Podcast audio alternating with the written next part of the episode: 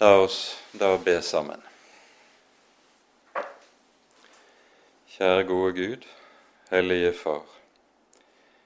Vi takker og lover deg på ny for all din godhet og for all din miskunnhet imot oss. Takk, Hellige Herre, at du samler oss om ditt ord. Og i ordet har du lovet at vi skal få møte deg selv, at vi får lære deg å kjenne når du taler. Og Derfor ber vi deg, gode Herre, at du vil være hos oss med din Hellige Ånd, og la ordet ditt bli lukket opp for oss, at vi kan forstå det rett, og det kan få rom i våre hjerter og i våre liv.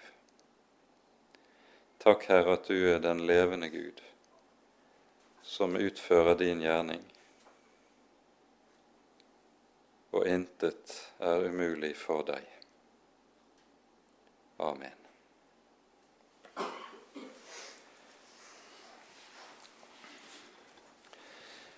Sist gang var vi da sammen om det som så å si utgjør eh, noe av rammeverket rundt eh, det som har med utgangen å gjøre. Og ganske særlig eh, prøvde vi å ta for oss et par saker som eh, er viktig for å forstå sammenhengen. For det første dette at når Herren fører sitt folk ut, så åpenbarer han gjennom sine gjerninger hvem han selv er. Og Derfor er det et omkved som dukker opp om igjen og om igjen i disse kapitlene. Dere skal kjenne at jeg er Herren. Dere skal kjenne at jeg er Herren. Det er det stadige omkved.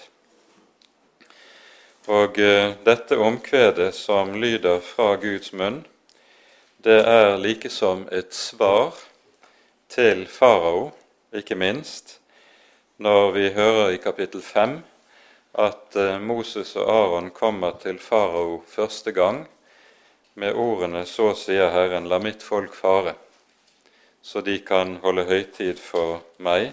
Da svarer farao, 'Hvem er Herren, som jeg skal lyde?' og la Israel fare. Jeg kjenner ikke Herren og vil slett ikke la Israel fare. Og så er alt det som skjer i fortsettelsen, like som Guds svar til dette utsagnet fra farao. Hvem er Herren? Jeg kjenner ikke Herren. Ja vel, sier Gud, du skal få kjenne at jeg er Herren, og hva det innebærer. For uh, det som jo er viktig i, og som er en hovedsak i det som vi leser nå i forbindelse med utgangen av Egypt, det er at her har vi med historie å gjøre. Dette er frelseshistorie.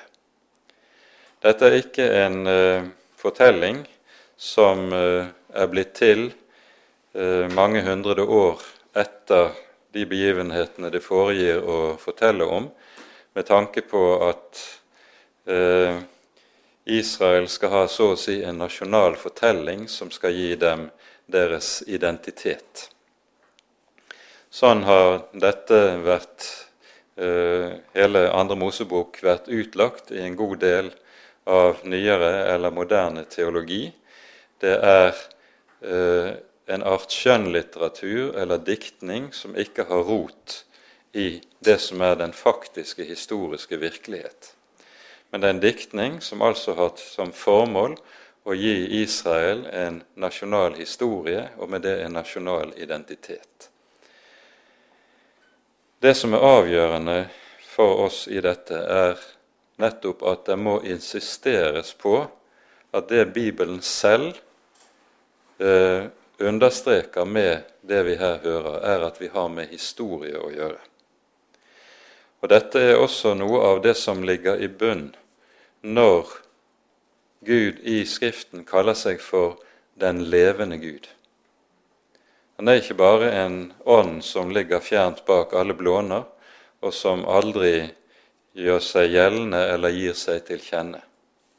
Gud er den levende Gud som både taler og handler i historien. Og Nettopp dette at Gud er en Gud som handler i historien, det understrekes på en veldig elementær måte i bibeltekstene. Nemlig på den måten at i bibeltekstene så berettes det for det første når noe skjer, tidspunkt. Det berettes hvor noe skjer. Det berettes hva som skjer, eller hvordan det foregår. Og det berettes om hvem som er vitner til det som foregår.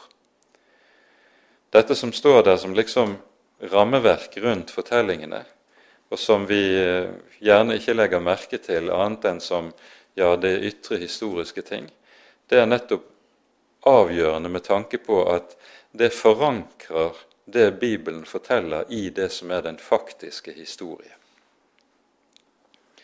Og det vi har for oss her, det er nettopp åpenbaringshistorie. Ikke noe annet, det er ikke noe mindre.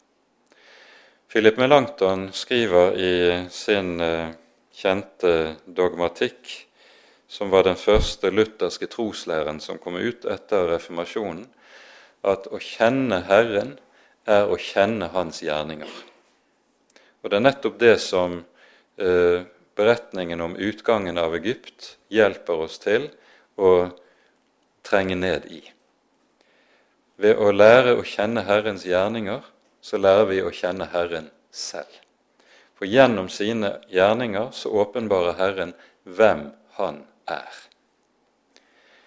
Og det er det som vi da har for oss. Det er Guds svar på faraos spørsmål hvem er Herren? og Herren åpenbarer seg selv gjennom hva han gjør.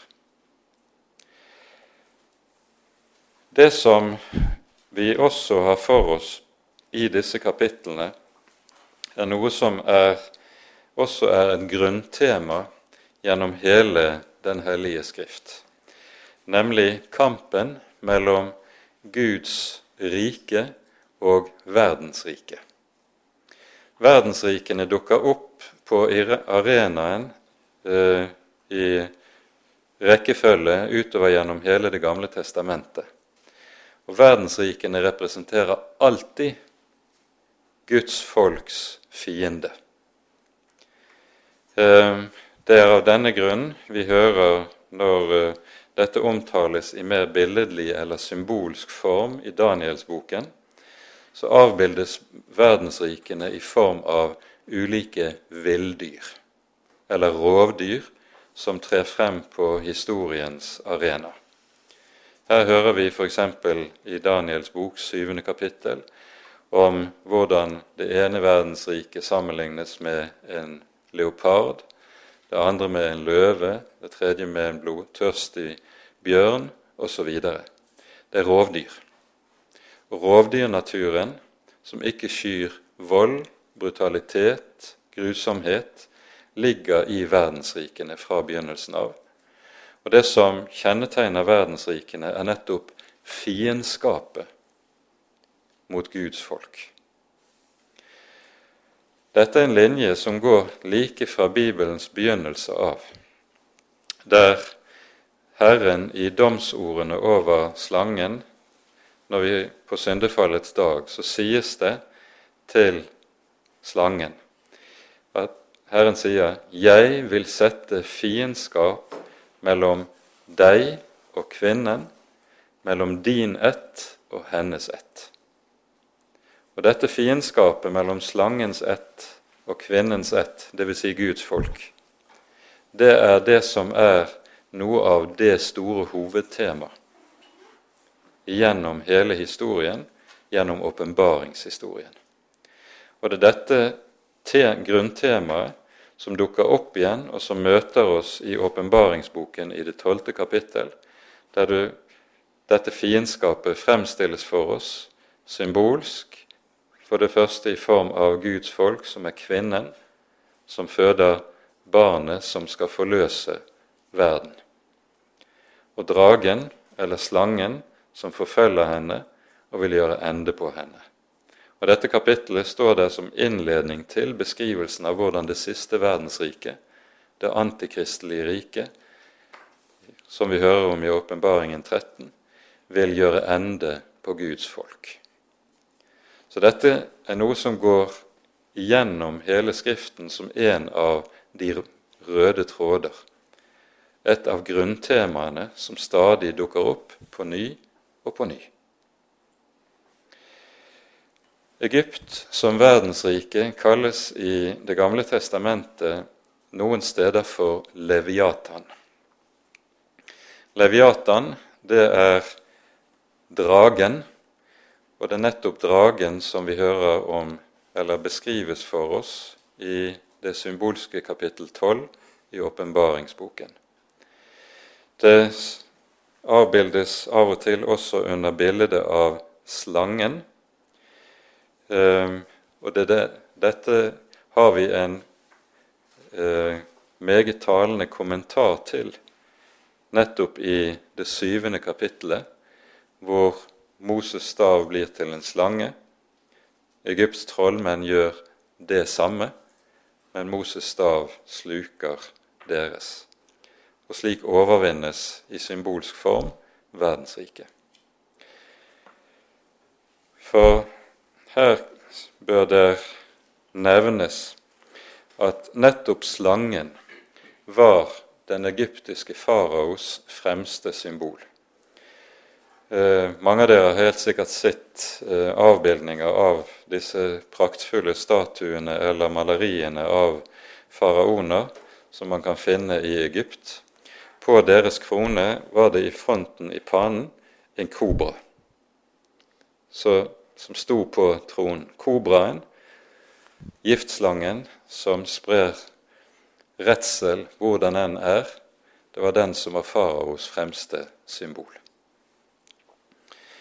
Dette som vi her er inne på, det kommenteres da også i Salmenes bok i flere sammenhenger. Vi skal her bare nevne det vi hører i Salme 74.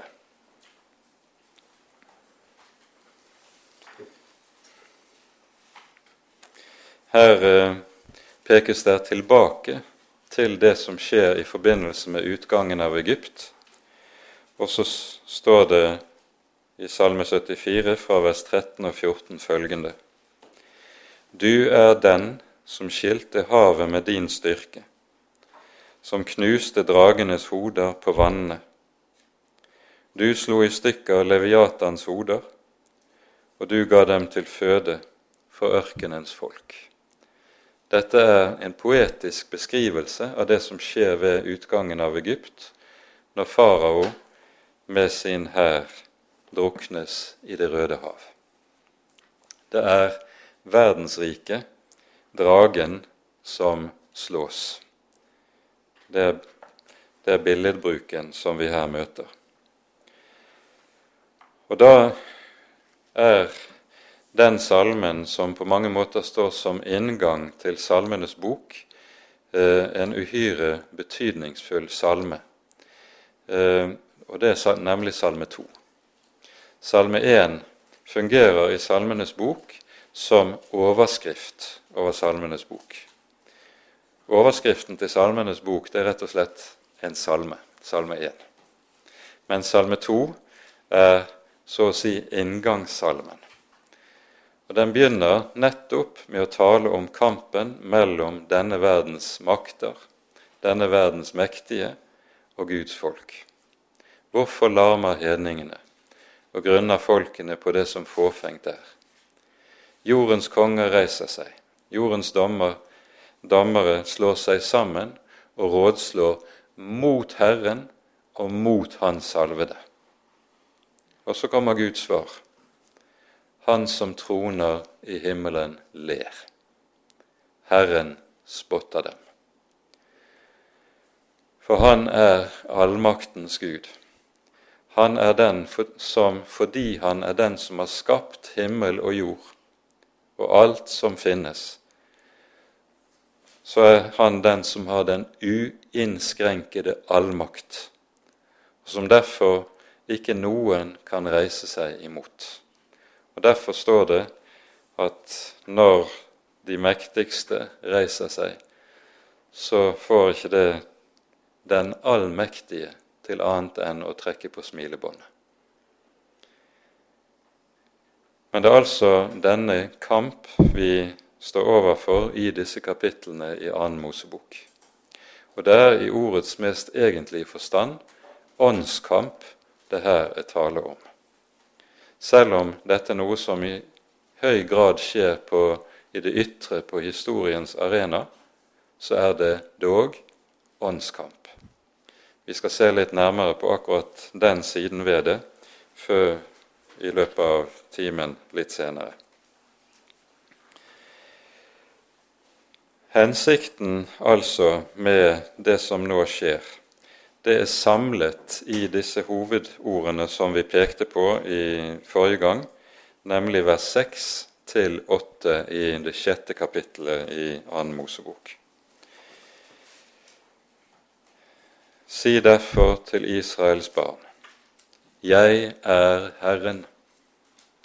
Jeg vil føre dere ut fra de tunge byrdene egypterne har lagt på dere, og befri dere fra trellearbeidet under dem.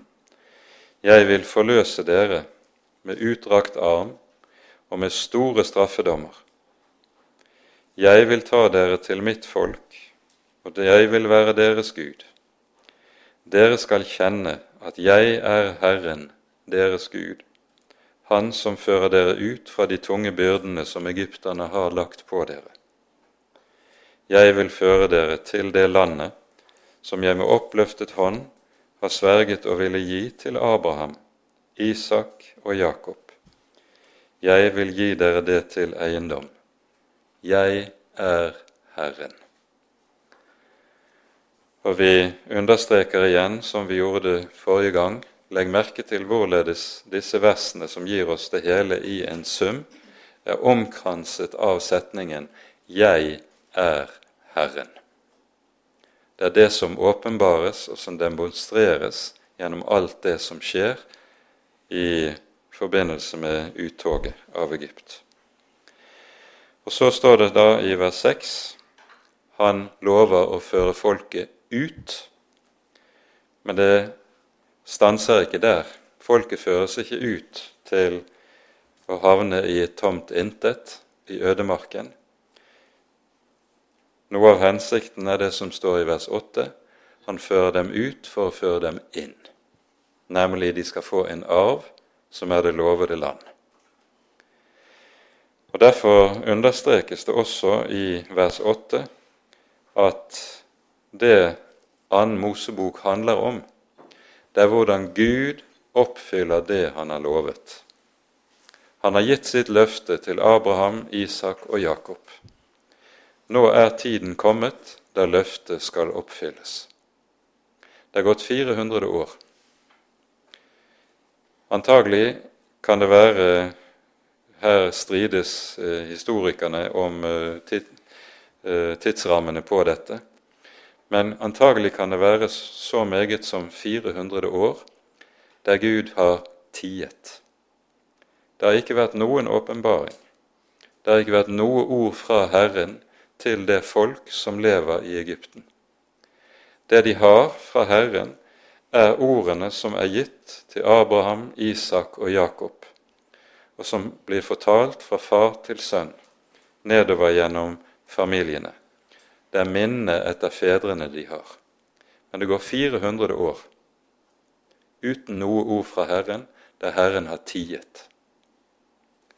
Men nå har Herren reist seg. Det er jo et uttrykk som anvendes i Bibelen når Herren griper inn for å utføre sine gjerninger. Nå har han reist seg. Nå rekker han ut sin arm. Nå åpner han sin munn for å handle. Og så er hensikten altså det som står i det midterste av disse tre vers, det syvende verset. Jeg vil ta dere til mitt folk. Jeg vil være deres Gud, og dere skal kjenne at jeg er Herren. Når vi så kommer til eh, det syvende kapittelet, så begynner beretningen om de ti landeplagene som vi gjerne kaller det for. Den bibelske betegnelsen på dette er ikke landeplage, men det er slag. Det er ti slag som Herren påfører eh, Egypt. Ti slag som er dommer som han lar ramme folket og farao. Og Disse slagene er alle sammen, med unntak av det siste, det vi kunne kalle for naturkatastrofer eller økologiske katastrofer, som vil være et moderne eh, betegnelse på dette. Og Poenget er i så måte at Gud gjennom dette demonstrerer at Han som alle tings skaper, han ser opphavet til naturen, han har skapt himmelen og jorden og alt som i dem er, sånn som det understrekes om igjen og om igjen i Skriften. Han er den som nå gjør hva han vil i naturen og med naturen. Så det er naturunder som følger nå med disse ti slag, eller de første ni slagene, som rammer eh, Egypt. Disse ti slagene, eller vi skal ta, begrense oss nå til å tale om de ni første i denne timen. De ni slagene er ordnet på en ganske bestemt måte, nemlig på det vis at de, det er som tre ganger tre. Der det er slik at det tredje slaget, det sjette slaget og det niende slaget rammer Egypt uten at Moses på forhånd har varslet farao. Første og andre slag, der varsles farao. Dersom du ikke lar mitt folk fare, så skal du rammes av det og det. Og Så kommer det tredje slaget, men det rammer uten forvarsel. Når du så kommer til det fjerde og femte slaget, er det på ny slik Moses advarer farao. Dersom du ikke vil la mitt folk fare, så skal du rammes. Men når det sjette slaget kommer, er det på ny slik det rammer uten forvarsel. Og det samme også altså med det niende slaget. Når Israel senere, helt frem til vår egen tid, samles for å ete påskemåltid, så en av de faste ingrediensene i påskemåltidet det er at det skal stå en liten bolle med saltvann eh, på måltidsbordet. Saltvannet skal symbolisere tårene.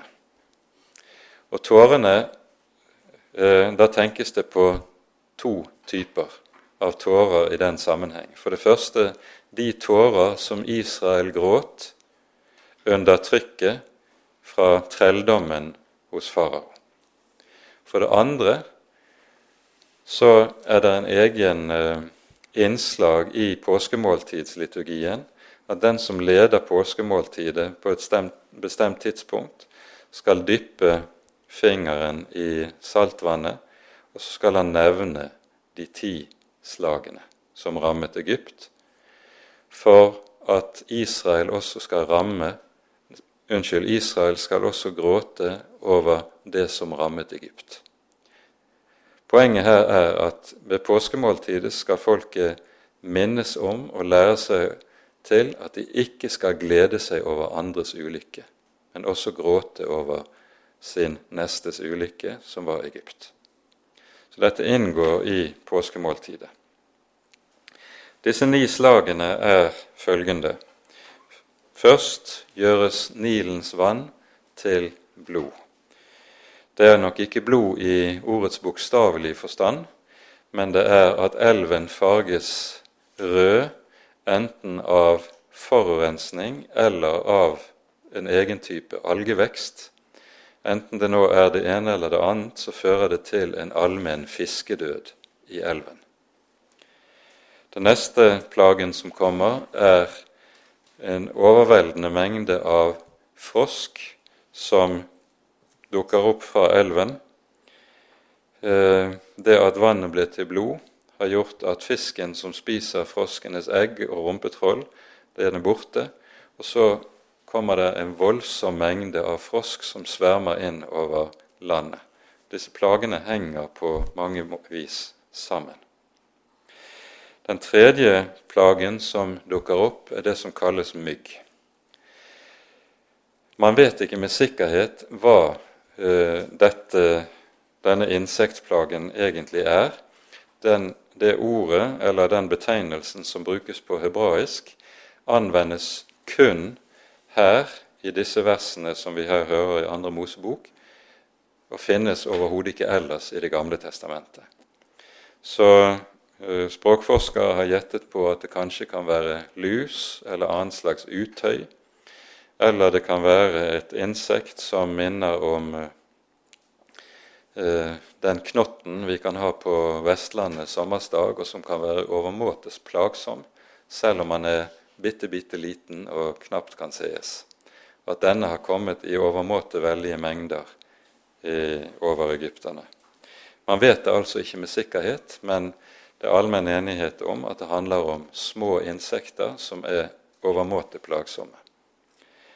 Det neste som eh, plagen som nevnes, er så fluer.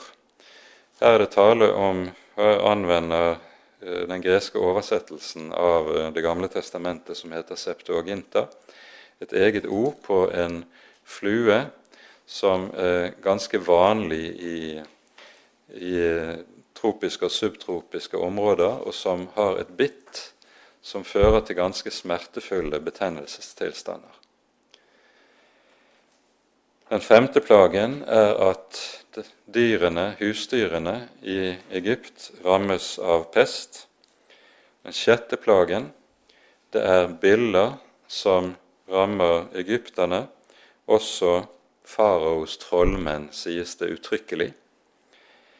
Eh, den syvende plagen, det er hagl, haglstormer og tordenvær av eh, et velde og av en kraft som aldri har vært verken før eller siden.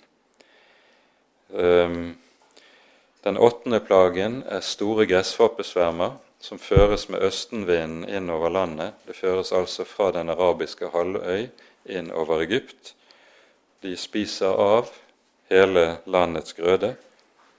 Og så den siste av disse ni plagene, det mørket. Her har forskerne gjettet på to alternative forklaringer til hva mørket kan være. Enten denne type, en egen type sandstormer som rammer ørkennære områder i Nord-Afrika. Det er en storm som heter Khamsin, som blåser veldige mengder av sand opp i luften.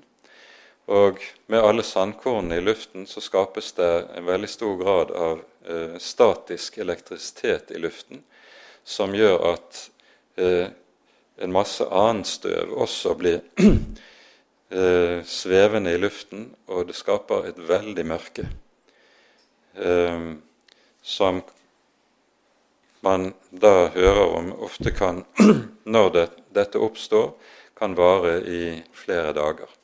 Det nevnes her at det taler om tre dagers mørke. Den andre forklaringen som en har gjettet på i denne sammenheng, er at mørket kan henge sammen med at denne lille greske øyen Santorin eksploderte. Dette skjer rundt 1450 før Kristus og vil i tilfelle stemme med noenlunde med den bibelske dateringen på uttoget fra Egypt. Den vulkanske eksplosjonen på Santorini er en av de voldsomste vulkankatastrofene som har vært, eller som man kjenner i historien.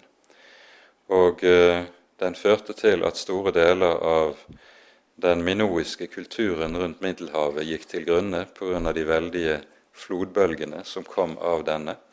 Det er en mengde av andre ting som følger av det, men himmelen ble også da formørket. Man kjenner jo også i dag til hvordan vulkansk aske kan formørke himmelen, og man har gjettet på at det var det som kunne være en forklaring på dette.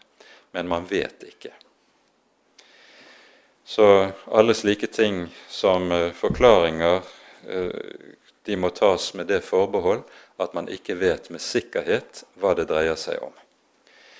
Det Bibelen forteller oss, det er at det her er eh, naturfenomener som opptrer på Guds befaling, på Moseord og befaling, og også tilsvarende tas fra Egypt, tas bort på Mose bønn. Og Av den grunn er det noe som er underfullt, og som er utenom det som er naturens vanlige orden. Det er vanlig å eh, Når en leser disse kapitlene i sammenheng, at en anslår at denne perioden der de ti slagene rammer Egypt, varer innpå ett år, kanskje en ti måneders tid. Hvis eh, det er slik at det at Nilen ble farvet rød som blod, eh, henger sammen med spesielt store mengder av rødt slam i elven, så vil det i tilfelle naturlig høre til eh, i, når, Egypt, når Nilen går over sine bredder i flom i juni måned. Og Hvis det da begynner i juni måned, så faller det siste tiende slaget i april måned, den 14. dagen i måneden Nissan, som er omtrent i april måned eh, året efter. Dette er imidlertid alt sammen usikre anslag, en vet ikke. Det som også er viktig å merke seg når det gjelder slagene, er at fra og med det fjerde slaget, altså det vi hører om flueplagen, det er fra kapittel 8, fra vers 20, så sies det uttrykkelig at Herren unntar Gosen, der Israels folk bor. Plagen rammer Egypt og farao med veldig styrke, men plagene rammer ikke Gosen, der Israels folk bor. Og der anvendes et eget uttrykk i kapittel 8. Eh, hvis vi leser vers 22 og vers 23 i kapittel 8, så står det følgende på den dagen vil jeg unnta Gosen, hvor mitt folk bor, så der ikke skal være fluesvermer der. Da skal du kjenne at jeg, Herren, er midt i landet. For jeg vil sette en frelse til skille mellom mitt folk og ditt folk. I morgen skal dette tegn skje. Og Dette er en uhyre viktig formulering. Bokstavelig står det 'Jeg vil sette frelse som skiller mellom Egypt og Israel'. Dette kom ikke frem i eldre oversettelser, men i den reviderte utgaven av Norsk bibel fra 2007 kommer dette tydelig frem, hva som sies i grunnteksten. Og Poenget er her at rett nok sier Bibelen at Gud gjør ikke forskjell på folk.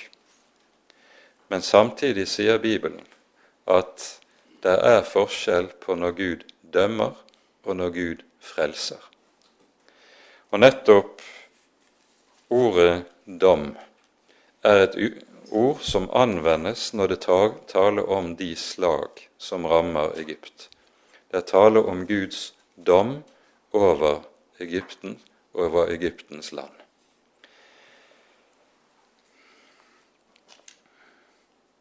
Den siste plagen, den vil vi altså, eh, som har med de første, når de førstefødte i landet rammes, det vil vi eh, gå nærmere inn på neste gang, for da vil vi ta for oss selve uttoget. Det grunnleggende tegnet i forbindelse med utgangen av Egypt, det skjer allerede i det syvende kapittelet. Vi, og vi tar oss nå tid til å lese noen vers fra begynnelsen av kapittel syv. Da sa Herren til Moses.: Se, jeg har satt deg som Gud for farao, og Aron din bror skal være din profet. Du skal tale alt det jeg byr deg, men Aron, din bror, skal tale til farao, og han skal la Israels barn fare ut av sitt land. Men jeg vil forherde faraos hjerte, og jeg vil gjøre mange tegn og under i Egyptens land. Farao skal ikke høre på dere, men jeg vil legge min hånd på Egypt og føre mine hærer, mitt folk, Israels barn, ut av landet Egypt med store straffedommer, er det oversatt her, men det står altså bokstavelig 'store dommer'. Og Her anvendes det ord som ellers i Bibelen anvendes om når Gud holder dom. Det er Guds dommer over landet Egypt det taler om i denne sammenheng. I parentes kan vi kanskje også eh, gjør oppmerksom på at dette uttrykket 'jeg vil føre mine hærer', mitt folk, det er første gang det uttrykket anvendes om Guds folk i Det gamle testamentet. Det er ordet hærskarer, eh, eller det som oversettes med hærskarer ellers i Bibelen. Herren Sebaot synger vi om uh, ut ifra Jesaja-bokens sjette kapittel. Hellig, hellig, hellig er Herren Sebaot, altså Herren herskarenes Gud. Det er det uttrykket som anvendes, og vi forstår at når Herren kaller seg for herskarenes Gud, så er det i første omgang myntet på at han er sitt folks Gud, som er den som fører sitt folk fra trelldom til frihet, og så leder dem på veien mot landet. Senere i Mosebøken i forbindelse med ørkenvandringen så anvendes dette uttrykket om Israels folk i en rekke sammenhenger. Så leser vi videre. Egypterne skal kjenne at jeg er Herren når jeg rekker ut min hånd over Egypt og fører Israels barn ut fra dem.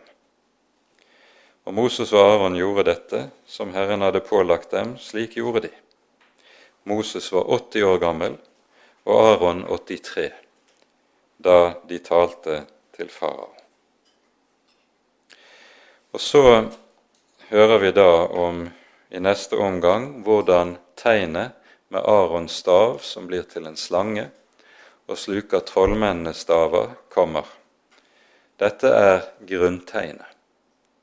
For slik demonstrerer Gud like som i symbolsk form at om farao aldri så mye står Herren imot med sine medhjelpere og med sine makter, så vil han ikke kunne stå seg.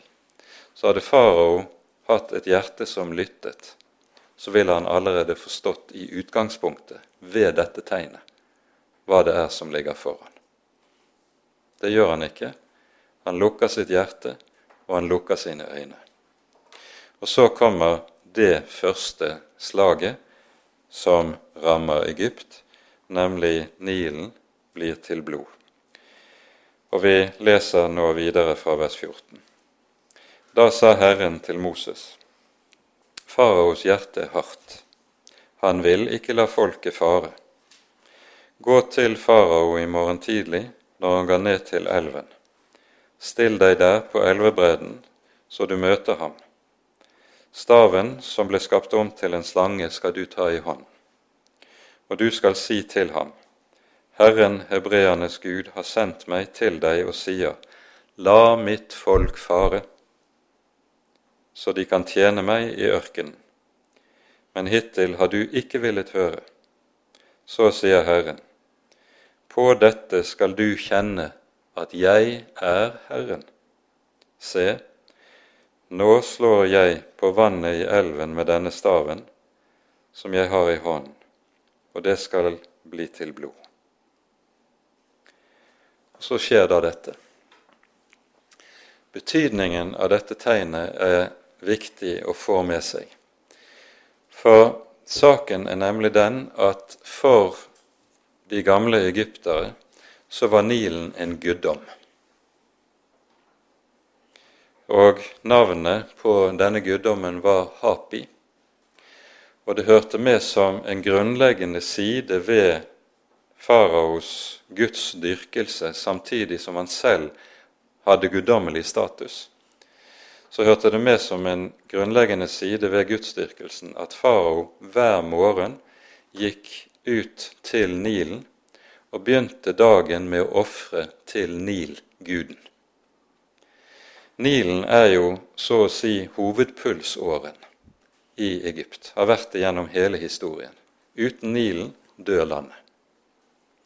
Nilen er den livgivende blodåren som bærer hele Egypten.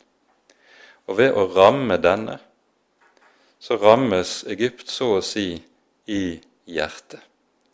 Og Samtidig så demonstrerer Herren ved å ramme Nil guden hvem han er. Og det er i denne forstand det taler om at vi her står overfor åndskamp. Nilen er for egypterne ikke bare en elv som er viktig, og som holder hele deres liv og deres økonomi ved lage. Den er en guddom som dyrkes. Og dette som vi her er inne på, det er jo eh, noe som senere i Den hellige skrift stadig kommenteres. Hedningefolkenes guder er ikke guder, de er intetheter. Herren er Gud over alle guder. Han er mektigere enn alle guddommer. Og det er dette som demonstreres ved dette. Når Herren først rammer Nilen, og senere rammer farao selv, så rammes så å si Egyptens gudsdyrkelse i hjertet. For her er det viktig å være oppmerksom på, og dette var vi så vidt inne på forrige gang også, hvordan en i den gamle tid tenkte om sine guder. Alle guder som fantes i oldtiden, var nasjonalguddommer. Egypterne hadde sine guddommer, babylonerne sine, kananittene sine osv. Disse guddommene var guder innenfor sitt eget område og for sitt eget folk. Eh, det var så å si sånn at gudeverden gudeverdenen hadde sine nasjoner med sine grenser seg imellom. Hvis et folk var et svakt folk, et undertrykket folk, som Israel var det, et slavefolk, så betydde det at Israels guder var svake guder. Guder uten makt, uten evne til å hjelpe eller frelse sine tilhengere. Og dette er nettopp faraos holdning til Israel. Ja vel, dere har en gud som heter Herren. Hvem er han? Han er ikke annet enn en vorte på min bakk. Sånn vil farao tenke. For han er leder for det verdensriket mot hvilket ingen andre har kunnet stå seg i den gamle tid. Det, da, I datiden var Egypt supermakten som ingen kunne opponere imot. Og Fordi Egypt hadde denne status, og farao hadde kongevelde i denne sammenheng, så var det naturlig mine guder er langt mektigere enn dine guder. Og Det at Herren på denne måten så å si slår Egypt like i hjertet og kommer som et voldsomt sjokk og som et jordskjelv på hele den egyptiske Guds tro og Guds dyrkelse. Her er slavefolkets gud slett ikke en avmektig guddom, men en som slår hodet av Egyptens guder og viser dem som avmektige og som slike som ikke kan hjelpe sine tilhengere når det kommer til strid. Og Nettopp fordi dette er en hovedsak i forbindelse med de slagene som rammer Egypt, er dette noe som da også kommenteres gjentatte ganger i disse kapitlene, fra kapittel 7 til kapittel 10. Vi peker ganske kort på dette. I kapittel 17 leste, 7, unnskyld, vers 17 leste vi så sier Herren, på dette skal du kjenne at jeg er Herren, lyder det til farao. I eh, kapittel 8 sies det sånn i vers 10. Moses svarte, farao svarte Moses, i morgen skal tegnet skje. Da sa Moses, det skal bli som du vil, og du skal kjenne at det ikke er noen som Herren vår Gud. I vers 22 i samme kapittel eh, leste vi i andre halvdelen av verset når gosen skal fritas fra plagen. Da skal du kjenne at jeg, Herren, er midt i landet. Går vi til kapittel 9, når vi kommer til plagen med hagl, står det sånn i vers 14 følgende denne gangen vil jeg sende alle mine plager over deg, over deg selv og dine tjenere og ditt folk, for at du skal kjenne at det er ingen som jeg på hele jorden. Det Herren med dette demonstrerer, er at han ikke lar seg innpasse i de kategoriene som man i oldtiden tenkte om gudene at gudene var nasjonalguder som hadde sitt begrensede område. Når han sier han er Gud for all jorden, så slår han så å si bena under hele denne hedenske forestillingen om gudenes begrensninger, sine avgrensede domener, og sier han er Gud for all jorden, for hele skaperverket, fordi han er alle tings opphav og skaper. Og På denne måten så kunngjør Israels Gud noe om seg selv som du ikke har parallell til i hedenskapet overhodet. Det er mange som, forskere som senere har tenkt at når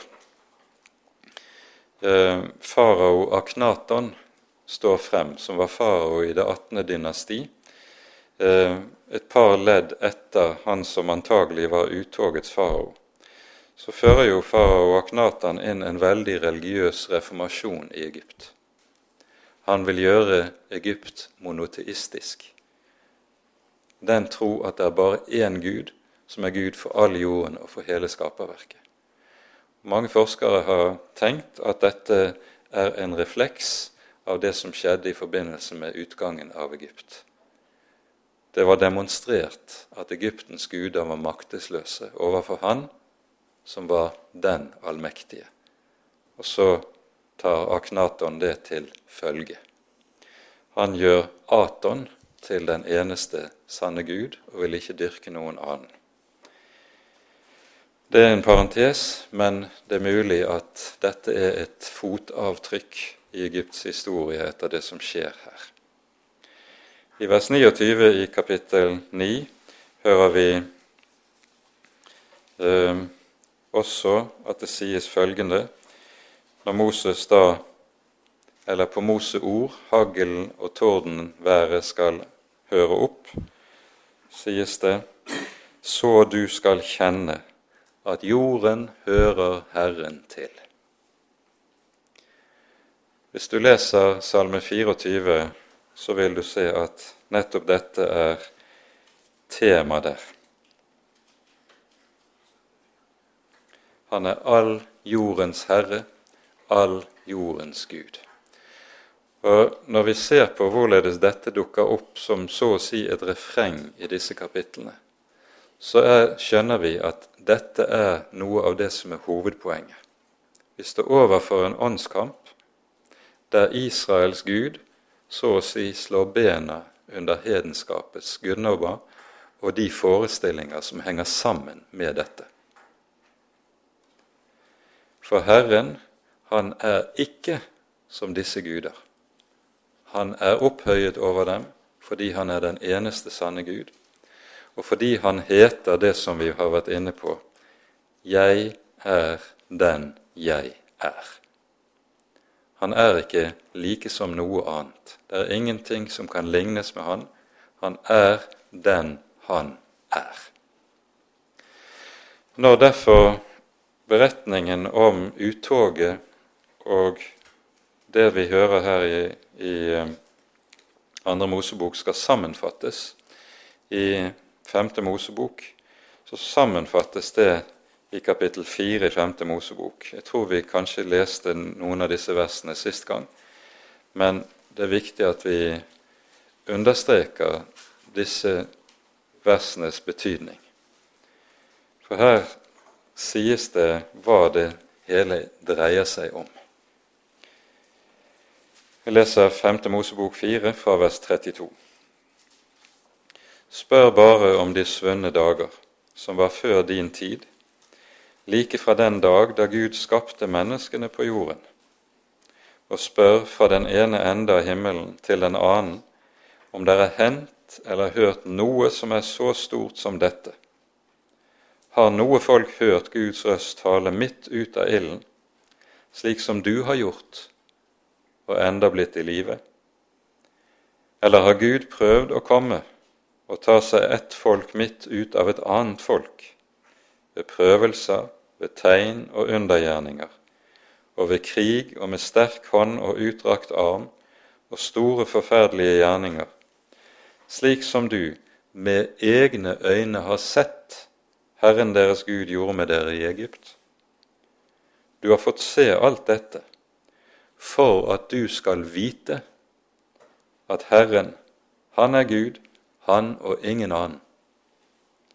Fra himmelen har Han latt deg høre sin røst for å lære deg, og på jorden har Han latt deg se sin store ild, og Hans ord har du hørt midt ut av ilden.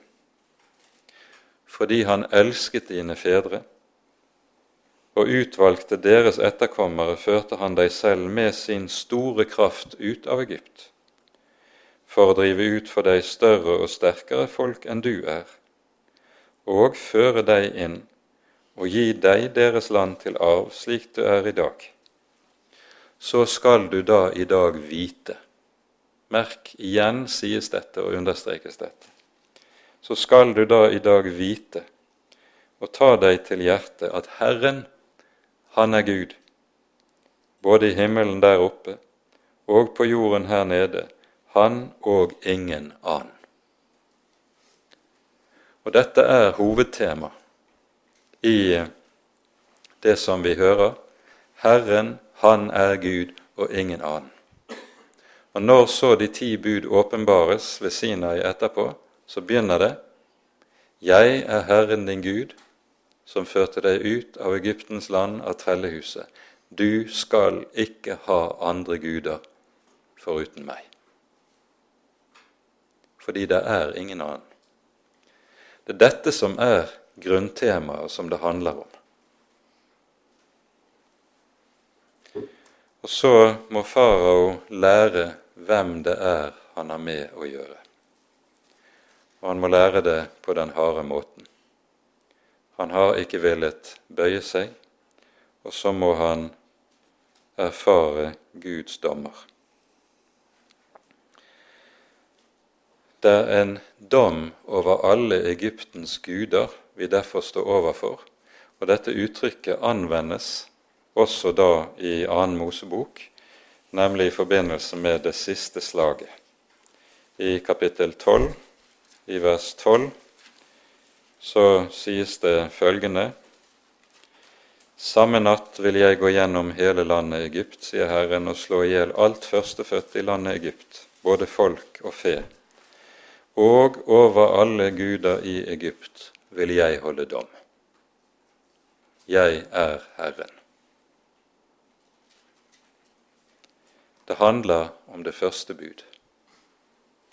Og så handler alt det vi videre leser om i, både i Mosebøkene og Israels historie videre, det handler egentlig om kampen om at Herren skal få lov til å være Gud for sitt folk. At han skal få lov til å være den han er i folkets liv og for den enkelte i sitt folk. Det er det alt dreier seg om.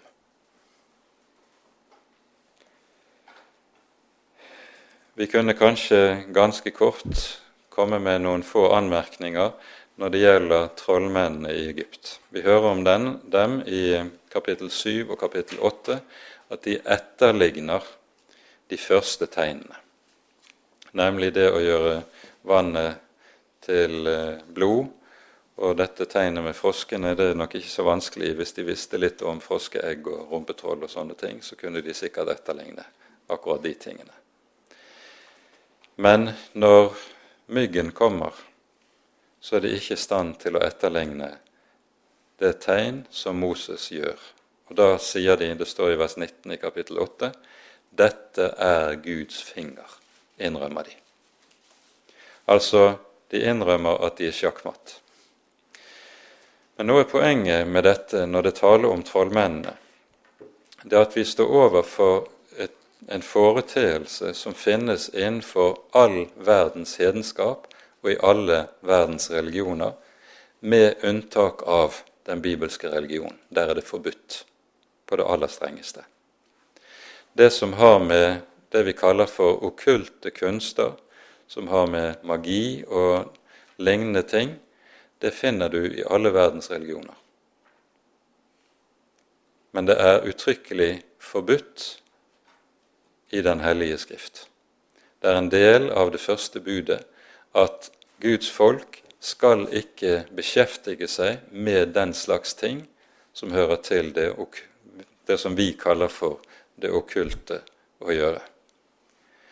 Det er fordi det som har med den slags å gjøre, det er reelle makter. Ikke guddommer, men en kommer i kontakt med det som kalles for onde ånder, ved å gå inn i den slags saker. Av den grunn har du det absolutte forbudet, jeg tror vi kan lese for sikkerhets skyld, i 5. Mosebok kapittel 18, der du har den klareste sammenfatningen, kanskje, av akkurat dette.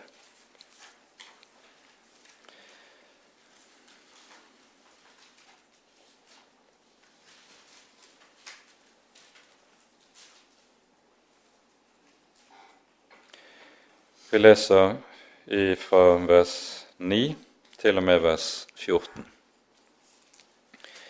Når du kommer til det landet Herren din Gud gir deg, skal du ikke ta etter disse folks motbydelige skikker. Det skal ikke finnes hos deg noen som lar sin sønn eller datter gå gjennom ilden. Med det siktes der til de barneofringer som fant sted i Israels nabofolk, særlig blant kananittene. Heller ikke noen som gir seg av med spådomskunster, som spår av skyene, eller tyder varsler, eller er en trollmann heller ikke noen heksemester. Disse to uttrykkene 'trollmann' eller 'heksemester' det betyr eh, det å ha befatning med det som kalles for magi av ulike typer å gjøre. Magi dreier seg alltid om å søke å få makt eller herredømme over deler av virkeligheten som en ikke kan få herredømme over på naturlig måte og gjennom det som er naturlige foreteelser. Eh, det er altså absolutt forbudt i Skriften. Det skal ikke være noen som spør en dødningemaner, altså det vi kaller for spiritisme. Ingen spåmann, ingen som gjør spørsmål til døde. For hver den som gjør slikt, er vemmelig. I den gamle oversettelsen sto det 'er en vederstyggelighet for Herren' og for disse vederstyggelige tings skyld er det Herren din Gud driver dem bort for deg. Her er det vi er altså borti så vidt noe som Bibelen eh, er meget konsekvent i forhold til. Um, og det å åpne opp for slike ting som en kan se uh, skjer i uh, hedenskapet, det har den fare ved seg at en da også stiller seg åpen for innflytelse og for å komme under herredømme av onde åndsmakter. Det er det som er faren med det. I vår egen moderne tid er jo dette på ny kommet opp og blitt en del av det som vi kaller for nyreligiøsiteten, eller New Age-religiøsiteten. Der søker en tilbake i dette, og uten at man Dette er vel noe ingen hadde forventet seg for 30 år tilbake, men nå er det plutselig midt iblant oss som en viktig side ved eh, nyere religiøsitet i et frafalt Vesten. Det går en serie på TV Norge som kalles for Åndenes hus, der de som måtte ønske det, kan se hvordan dette her har grepet om seg og er blitt meget eh, populært eh, i ulike sammenhenger. Vi skal ikke beskjeftige oss mye med det, men jeg bare henleder oppmerksomheten på det. Vi skal slutte i dag med at vi peker på det som vi minnes om i Salme 86. Det er en setning som uh, går igjen i hele Den hellige skrift, dukker opp på ny og på ny, og som sammenfatter noe av det som er mest grunnleggende i det vi så å si får stilt frem for våre øyne i annen Mosebok. Det står sånn i vers 8.: Ingen er som du, blant gudene, Herre, og intet er som dine gjerninger. Gud er ikke som hedningenes guder. Han står ikke i samme kategori som avgudene, og han kan ikke eh, Og det som kjennetegner ham, er intet av det som kjennetegner hedenskapets guder. Han er totalt annerledes. For det første fordi han er skaperen. Han er allmaktens herre, og han er den hellige. Og alt dette er det Gud så å si demonstrerer for sitt folk gjennom det han gjør med slagene og utgangen av Egypt. Å kjenne Herren er å kjenne Hans gjerninger, sa Philip Melanchthon. Og så ser vi hvordan nettopp dette poenget er hovedpoenget som understrekes for oss i det som skjer ved uttoget. Og med det setter vi punktum for dagens bibeltime. Ære være Faderen og Sønnen og Den hellige ånd, som var og er og være skal, en sann Gud, høylovet i evighet. Amen.